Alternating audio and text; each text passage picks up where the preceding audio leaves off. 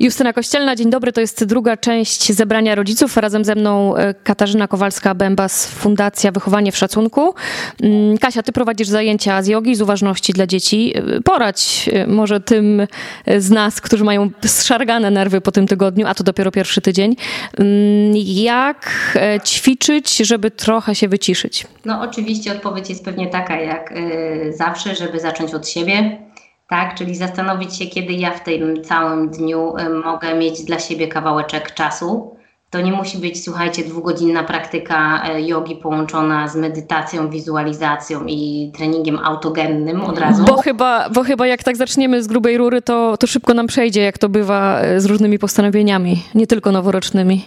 Tak, ale i też zauważyłam teraz, że internet jest pełen takich jogi online, na którą można się zapisać, płatne, niepłatne E, asztangi, winiasy, jakie tam lubicie praktyki.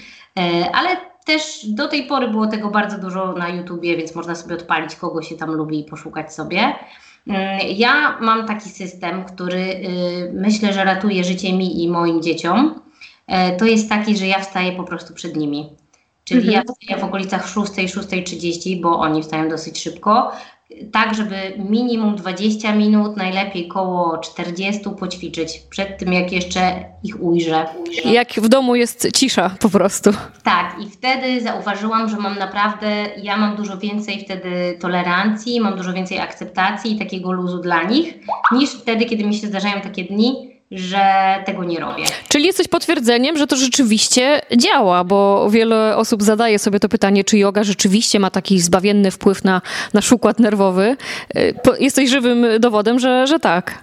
Tak, zdecydowanie. Nawet po prostu nas y, wycisza, przełącza. Wtedy, kiedy ja się muszę koncentrować na siebie, to nie myślę na, o, o tym, że o Jezu, znowu czeka mnie ten dzień z dziećmi i co ja teraz zrobię, co ja na obiad wymyślę, kończy mi się, kończą mi się drożdże i papier toaletowy, tak? I po prostu muszę już y, wyjść na zakupy, co jest teraz bardzo niebezpieczne i nie nakręcam się. Jakby to w ten sposób działa. To tak naprawdę jak dla mnie to nawet nie musi być yoga. To jak ktoś woli się zmęczyć na przykład w taki sposób, że będzie sobie robił tabatę albo nie wiem, będzie sobie tańczył.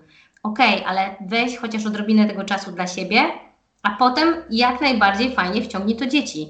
Ja rano jak ćwiczę i moja córka się obudzi w tym czasie, albo mój syn, to przychodzą do mnie i albo dołączają do tego ćwiczenia, czyli robią to co ja, rozkładają sobie matę obok mojej, albo czasami po prostu siedzą, albo się wygłupiają, ale są razem ze mną, więc wtedy ja już się nie nastawiam na to, że teraz muszę być takiej obecności ze sobą, w kontakcie. Trochę teraz jestem w tym, że jesteśmy w zabawie, jesteśmy razem, e, ale to też im często dużo daje, nie? Więc to już jest też takie rozpoczęcie fajne dnia. No właśnie chciałam mm, zapytać o to w drugim e, pytaniu, bo, bo widuję właśnie, że ćwiczysz e, z dziećmi i musiałaś się jakoś namawiać szczególnie, czy po prostu obserwując ciebie dołączyli się pewnego razu spontanicznie i tak już zostało?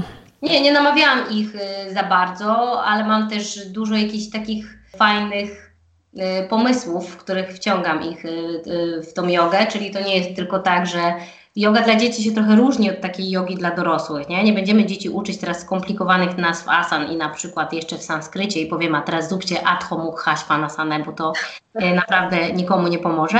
Bierzemy po prostu e, z dzieciakami i jakoś się bawimy tym, tak? Wiele nazw e, asan to są nazwy zwierzęce, więc nawet jeśli możemy to sobie, możemy wygooglować, tak? Jak wygląda na przykład asana właśnie psa z głową w dół, albo pies z głową w górę, albo świerszcza i możemy się razem tak z dziećmi bawić. To tutaj postawimy kropkę i zaraz do, te, do tego wątku wrócimy w części trzeciej.